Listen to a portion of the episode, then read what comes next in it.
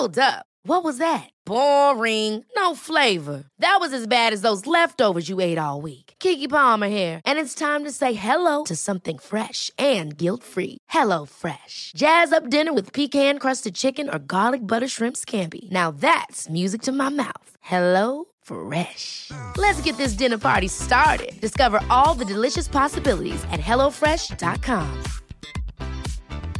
Quality sleep is essential. That's why the Sleep Number Smart Bed is designed for your ever evolving sleep needs. Need a bed that's firmer or softer on either side? Helps you sleep at a comfortable temperature? Sleep Number Smart Beds let you individualize your comfort so you sleep better together. JD Power ranks Sleep Number number 1 in customer satisfaction with mattresses purchased in-store. And now, save 50% on the Sleep Number limited edition Smart Bed for a limited time. For JD Power 2023 award information, visit jdpower.com/awards. Only at a Sleep Number store or sleepnumber.com.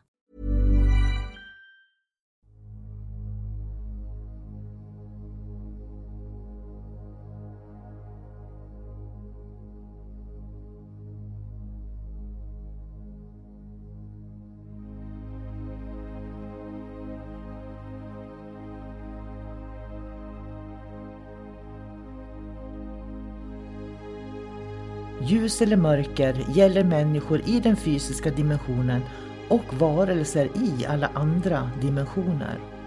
För att kunna se vad som är vad behöver vi människor vara öppna för både ljus och mörker. Det kräver mod och ett öppet sinne.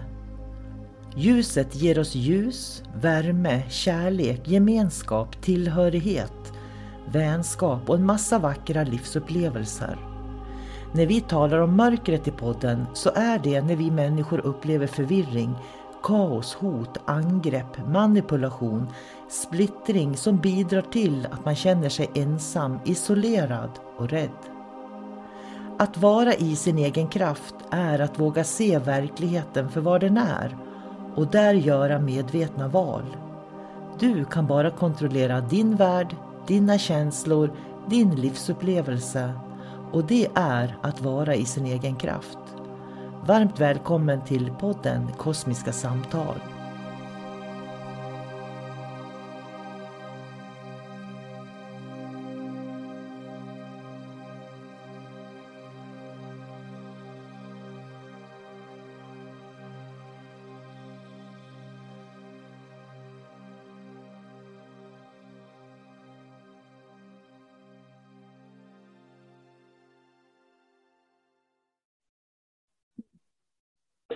Hej och varmt välkommen till Kosmiska samtal. Jag heter sol karina och med mig har jag David. Det är jag David som har den här podcasten, så jag säger hej David. Hej sol karina Kul att se dig igen. Mm, detsamma. Vi sitter ju via Zoom, så vi tittar ju på varandra när vi spelar in och det tycker jag är ganska trevligt faktiskt. Ehm, men idag, då tänkte vi prata om symbolers funktion. Vad är funktionen med symboler? Varför har vi symboler? Vad har de för nytta av, för oss, med oss, och om oss och för oss? Ja du Solkarina, det är ju så enligt mig då ska jag säga. Ni kanske har en annan uppfattning ni där ute. Men symboler har ju alltid en frekvens och en vibration. Allting i samhället och i världen har en viss frekvens. En sten har en viss frekvens, det känns på ett visst sätt. Ett träd har en annan frekvens och vibration och känns på ett visst sätt. Och en symbol som symboliserar någonting har också en viss frekvens. Det är därför saker och ting känns annorlunda och olika. Så symboler är viktiga. Skulle man kunna säga att vi också identifierar omvärlden med hjälp av symboler? Mm. Så jag menar, om jag pratar om träd, eh, då vet du hur, hur träd ser ut. Så det blir en symbol vi kan samlas kring. Sen kan vi ha olika känsla för trädet och det är någonting helt annat. Så är det ju. Eh, nu när vi pratar om träd, då kan man ju se olika lokalbefolkningar runt om i världen. Eller ja, lokalbefolkningar, stammar och dylikt. De har ju till exempel träd som symboler. Det är någonting viktigt eh, som de har behövt för att överleva till exempel. Men det som vi främst pratar om här och nu, som jag tror de flesta eh, tänker på när man säger symbol. Det är de här som man ofta ser eh, i olika sammanhang i media, sådana som återkommer. Det är många pyramider till exempel. Eh, det är pentagram och dylikt. Sådana symboler finns ju också och de finns ju av en anledning. Det är ju helt enkelt, dels är det någonting att samlas kring om man har en kult eh, som ett heligt föremål. Men sen är det just den vibrationen, det är det man vill ha. Det är det som förenar människorna och det är dit man strävar. Så att det är ett riktmärke, en kompass på något sätt skulle jag vilja säga. Ja, för vi pratar ju om ljus och mörker då till exempel. Och det finns ju symboler som har en positiv vibration och det finns symboler som har en negativ vibration. Och ibland kanske inte människor tänker på att olika symboler som de använder sig av faktiskt är kopplade till negativa eh, vibrationer. Ja, eller förtärande eller uppbyggande som jag brukar säga. Eh, då blir det mindre värderingar om man säger så. Men det är klart om man eh, har ett, en, eh, ett upp och nervänt pentagram till exempel på sig. Och så vet man inte vad det betyder. Då är det klart att man får en sänkt frekvens. Man kanske vaknar en morgon, man, bör, man börjar klä sig på svarta kläder, man, man känner sig tyngre och man faller ner djupare och djupare i den där frekvensen och vibrationen. För det är så det fungerar med symboler. Det är ju tiden som nöter ner en människa. Bara för att jag tar ett pentagram på mig idag så blir inte jag en satanist imorgon. Utan det tar ju många, många år för mig att, att brytas ner. Jag blir till frekvensen. Det blir också så, om du tar på dig, vi tar pentagram nu då som exempel. Om du tar på dig eh, en tröja med ett upp och nervänt pentagram då. Sen ser du andra som också har det. Då får ju du liksom ett sammanhang. Den här personen och jag har någonting gemensamt. Mm. Och då skapas det ju grupperingar också. Och sen så när vi har den där klubben, eh, då skapar vi också ett altare där vi har ett pentagram längst fram. Och så börjar vi tillbe det där pentagrammet. Och då förstärker man den här frekvensen betydligt mer. Och när man har flera människor som har fokus på samma sak så blir det också en förstärkare i sig. Så att det handlar hela tiden om att amplifiera eh, frekvensen. Men jag tänker på en annan sak då, jag kan inte låta bli att tänka på det. Jag tänker på nazistkorset, det här eh, som de ritar då, nazisterna. För när jag var i Japan så varenda, det, är ju, det finns ju helgedomar överallt i Japan, du ser dem överallt.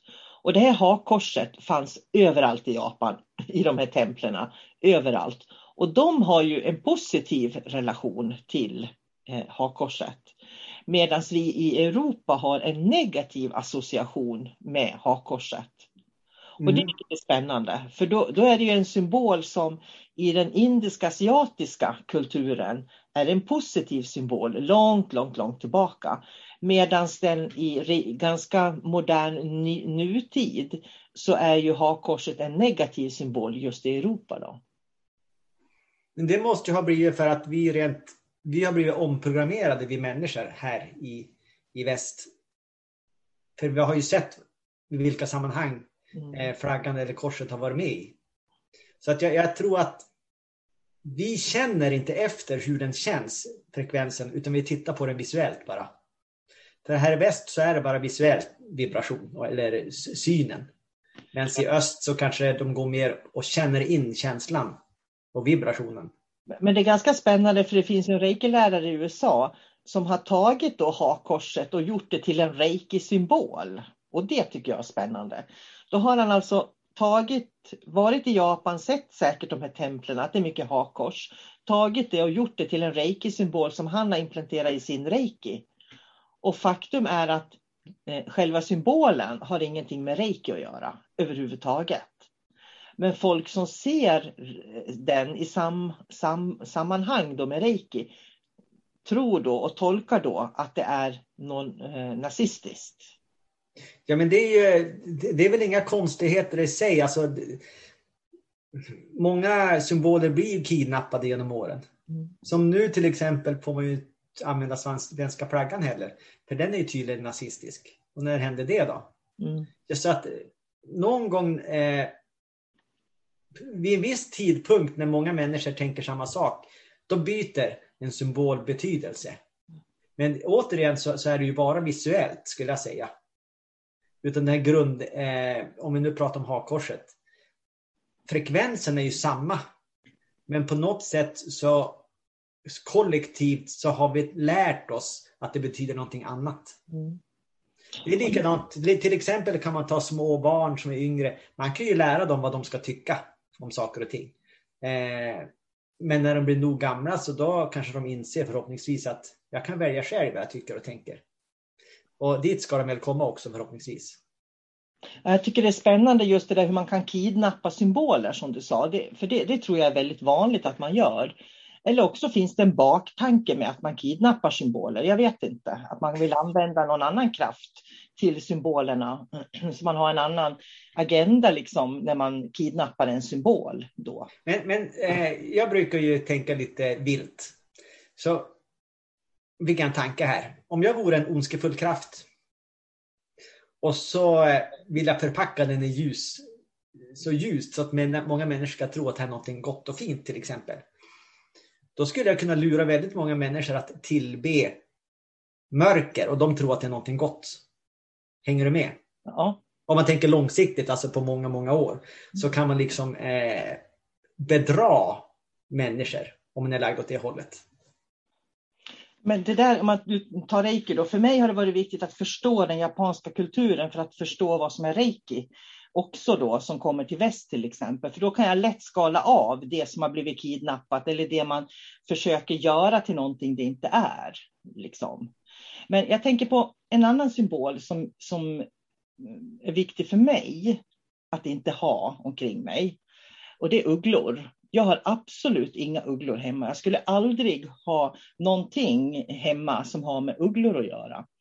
Och anledningen till det är att ugglor är förknippad väldigt mycket med utomjordisk, eh, utomjordisk bortförande.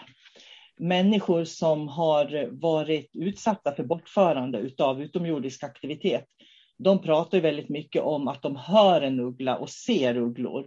Och många av de här grå utomjordingarna, eller de här som håller på med just bortförande, som är liksom ett övergrepp. När de, när de kommer till människor så ser de ut som ugglögon. De är helt svarta i ögonen. Då, och sådär. Och, och, jag vet att du visade mig en bild för länge sedan, en gammal bild från USA, där det var en sån gigantisk uggla i mitten. Och så var det människor i kåpor som gick runt. Liksom. Och tillbad ugglan, ja och tillbad ugglan. Så att frågan är ju då vad ugglan i grund och botten har för betydelse. Vad det är för vibration som finns just i ugglan då. Ja, det är jättespännande för, för eh, jag är ju som jag är så att jag har ju även studerat lite annan litteratur och jag vet att det är en hemskt gammal, gammal bild. Så då finns det en demon som ser ut som, alltså den gestaltas som en uggla också eh, som har vissa drag då, av olika slag, det har ju alla demoner. Men bara det att den finns med där. Så att det finns ju någon frekvens i ugglan som är tung, tungsint på något sätt. Så det, det, är bara intressant och sen har man ju sett också att nu i samhället, det har ju som spridit sig som en löpeld. Allting ska ju vara ugglor. Men varför alltså det... är ugglan då förknippad med kunskap? Ugglan, det är liksom, man ser ju ugglor på, på barnens eh, skolväskor med, med de här runda glasögonen så det ska förknippas med att man är klok och kan se. Och jag kan ju förstå det, för ugglan ser om natten, ugglan ser i mörkret. Men vad är det som säger att inte ugglan är mörkret eftersom den ser i mörkret? Samtidigt så är ju faktiskt ugglan ett, ett rovdjur som håller span. Den, den ser allting i mörkret. Och det behöver inte vara gott alla gånger heller. Om det är vi som är offret och ugglan som är rovdjuret, då är det inte positivt. Därför jag, tycker, jag tänker så här, om du går på såna här eh, där man säljer blommor, blomstershoppar, såna här blomsterträdgårdar och sådär så har de ju oftast statyer av olika slag som man kan eh, köpa med sig hem och ställa i trädgården eller inne liksom då i fönstret och sådär. Och då är det ofta ugglor som man kan köpa. Av någon anledning så är det ugglor. Och sen är det tallkottkörteln eller den här upp och nervända eh, grankotten om man säger. Ja. Och det är ju riktigt urgamla symboler som jag tror att eh, moderna människor inte tänker på att det finns en väldigt, väldigt djup okult tradition i de här symbolerna. Tallkottkörteln, den har de ju ofta i eh, Katolikerna har ju det. Och påven har ju någon mössa och några stavar och det, de här kottarna är lite överallt om man börjar titta efter. Så att den har också en väldigt kraftfull betydelse. Och sen har jag även tänkt på att du sa att det var eh, i trädgårdarna där, eh, eh, handelsträdgårdarna. Man kan ofta köpa troll som har kottmössor. Just det. Det kan ju vara en slump. Eh, men hur, sak, hur som helst så finns de där kottarna närvarande lite överallt. Och de här ugglorna som lyser i mörker med sina ögon. Ja. Eh, nej men så det är bara den stora frågan. Vi kommer ju aldrig att veta riktigt varför det är så eller hur det har blivit så. Men vi vet att det finns. Och ja, ingenting, ingenting finns av en slump. Så, så enkelt är det ju. Nej, för det är ju fortfarande så att all, allt det här är symboler som skickar ut en energi som vill leda oss någonstans. Ja. Och då tänker jag så här att när, när man går i handelsträdgårdar, när du går ute på Ikea eller i de här stora butikerna, titta på vad, det, vad är det för prydnadsföremål som säljs. Och man kommer att kunna se en röd tråd år efter år efter år efter år. Vill du hitta någonting annat, då måste du gå någon annanstans, för det här är verkligen, det finns en liten klick symboler som verkar finnas där hela, hela tiden. Men det är ju likadant, eh, vill du ha någonting unikt till exempel när du ska handla, då måste man ju söka sig till någon second hand-butik eller dylikt. För oavsett vilken stad du far till, vilka köpcentrum du far till, det är samma saker. Det är ju, så har ju blivit så nu för tiden. Så att någon, eh, det är någon kraft, någon vibration som gör att det blir så där enhetligt. Någonting blir serverat till världen. Och jag tror mycket det, jag tror inte att de som köper inköpsansvariga i butiker tänker nu ska vi ha mycket ugglor så att vi ska få en tung frekvens över jorden. Utan det är bara att alla är influerade av frekvensen vi omger oss. Allt från uggleryggsäcken till eh, ugglemössorna eller de här små sakerna man, man omger sig om i hemmet. Det är jätteviktigt vad man tar in. För det man har runt omkring sig, det blir man så småningom.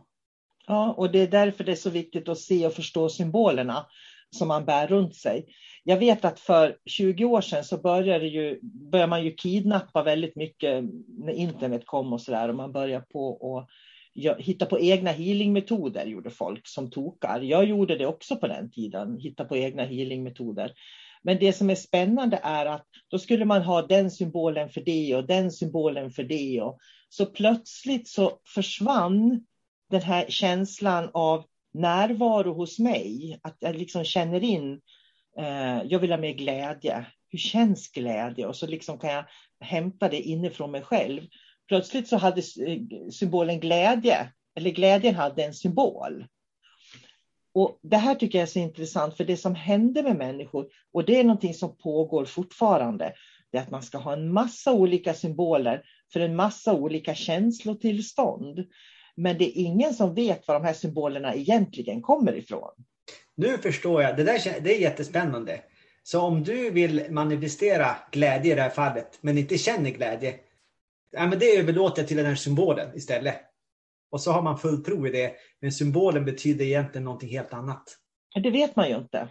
För jag Nej. menar, har jag inte kontakt med glädjen, hur ska jag då kunna veta att den här symbolen är glädje? Den kan ju lika gärna vara ilska då, till exempel. Eller... Ja, men eftersom du inte har känt in eh, och arbetat med ditt inre, så där, då hamnar du i mörkret. Mm. För... Och många, många människor, jag antar också att de lär sig på ett visst sätt. Använd den här symbolen när du ska göra det där. Mm. Och då använder man symbolen utan att känna. Det blir en slentrianmässig handling. Och då blir alla symboler intellektuella. Det blir någonting i huvudet som inte hjälper dig att förankra dig i kroppen. Och det här är, just man pratar healing och healingmetoder. Så för titta i reikin till exempel, när man börjar komma riktigt långt in i förståelsen för vad reiki är, då behöver man inga symboler längre. Symbolerna behöver man därför att man inte vet hur reiki känns. Det är därför du använder mantran. Eller titta på indiska, jag tänker på yogisar.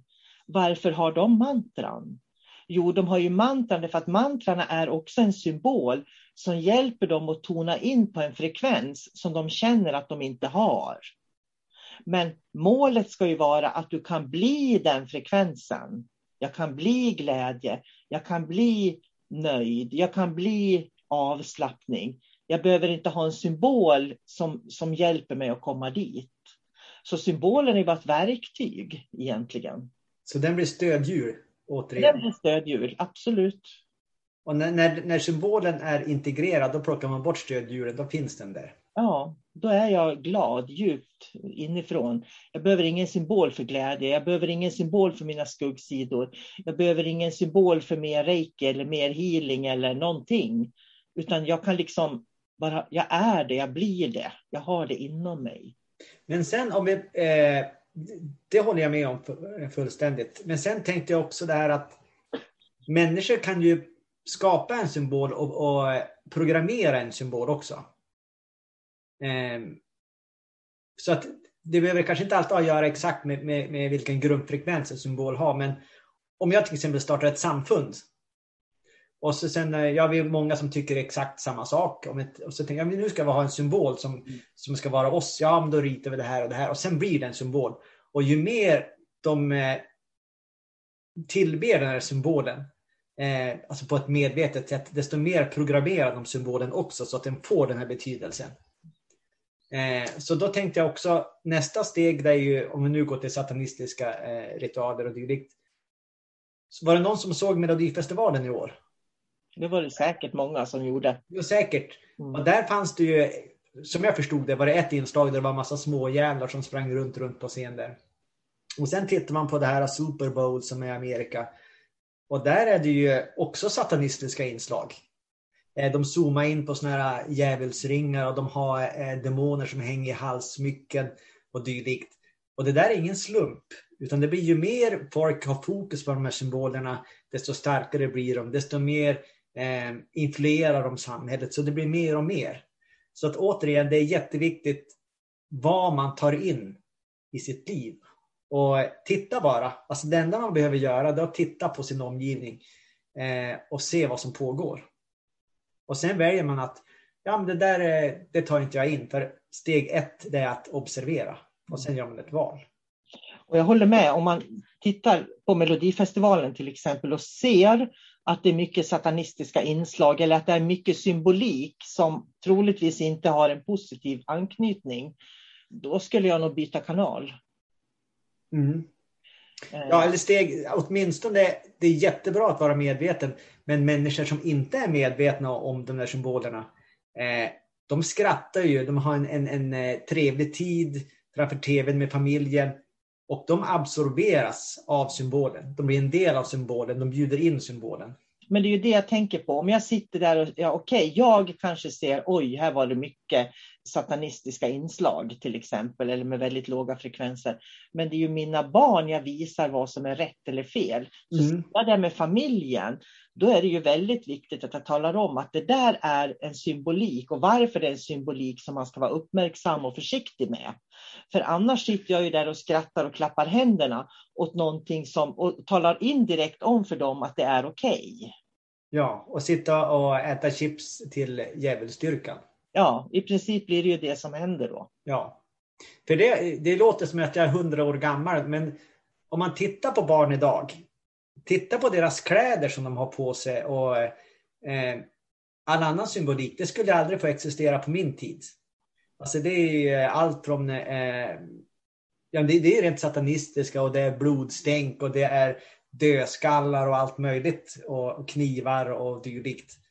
Men det är ingen som bryr sig, ingen vuxen bryr sig heller. Och det kan ju vara en effekt av att eh, frekvenserna har gått in i oss människor så vi har blivit van. Vi är ju vanedjur. Ja, men det är klart lilla Pelle som är eh, fem år gammal ska ha en, en, eh, en dödskalle och ett pentagram på sin tröja. Det är coolt, säger de. Men det hade de inte gjort för 20 år sedan till exempel. Mm, därför att då hade, det haft, då hade de varit medvetna om symboliken bakom. Mm. Och jag tror att det är så här, det är så här vi blir kidnappade, eh, smittade, förgiftade, eh, utan att vi är medvetna om det. Det liksom kultiveras in eh, i samhället på något sätt. Och då kommer man tillbaka till det vi alltid pratar om och det är de här medvetna valen. att, att göra medvetna val och välja in och välja bort hela tiden. Och det innebär att du kanske inte alls, vi tar Melodifestivalen, sitter och tittar på det faktiskt, utan väljer någonting annat. Därför att det har inslag som du känner du inte vill kultiveras in i på något sätt. Nej. Eh, så att eh, det, det är A och O att observera skulle jag också säga.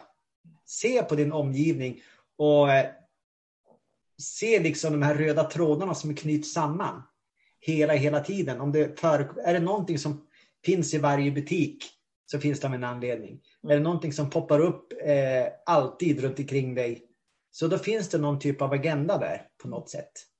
Och när det, väl, det fina är att när man väl har sett saker och ting då ska, där behöver man inte vara rädd för det heller för då har man liksom genomskådat den här illusionen och då fattar man beslutet att eh, jag ser vad som pågår och jag säger nej. Det ska inte få influera mig. Och det David tror jag ska bli avslutningsord med symbolernas funktioner. Det varit ett spännande intressant samtal som jag hoppas att människor som lyssnar återigen reflekterar över i sina egna liv eh, och blir mer självständiga och medvetna på det sättet. Mm. Tack David för ett bra samtal återigen. Ja, tack själv. Ha det gott, hej då. Hej då. Hey, it's Danny Pellegrino from Everything Iconic. Ready to upgrade your style game without blowing your budget? Check out Quince. They've got all the good stuff, shirts and polos, activewear and fine leather goods, all at 50 to 80% less than other high-end brands. And the best part? They're all about safe, ethical, and responsible manufacturing. Get that luxury vibe without the luxury price tag. Hit up quince.com slash upgrade for free shipping and 365 day returns on your next order. That's quince.com slash upgrade. Ever catch yourself eating the same flavorless dinner three days in a row? Dreaming of something better? Well, HelloFresh is your guilt free dream come true, baby. It's me, Gigi Palmer. Let's wake up those taste buds with hot, juicy pecan crusted chicken or garlic butter shrimp scampi. Mm. Hello Fresh. Stop dreaming of all the delicious possibilities and dig in at HelloFresh.com. Let's get this dinner party started.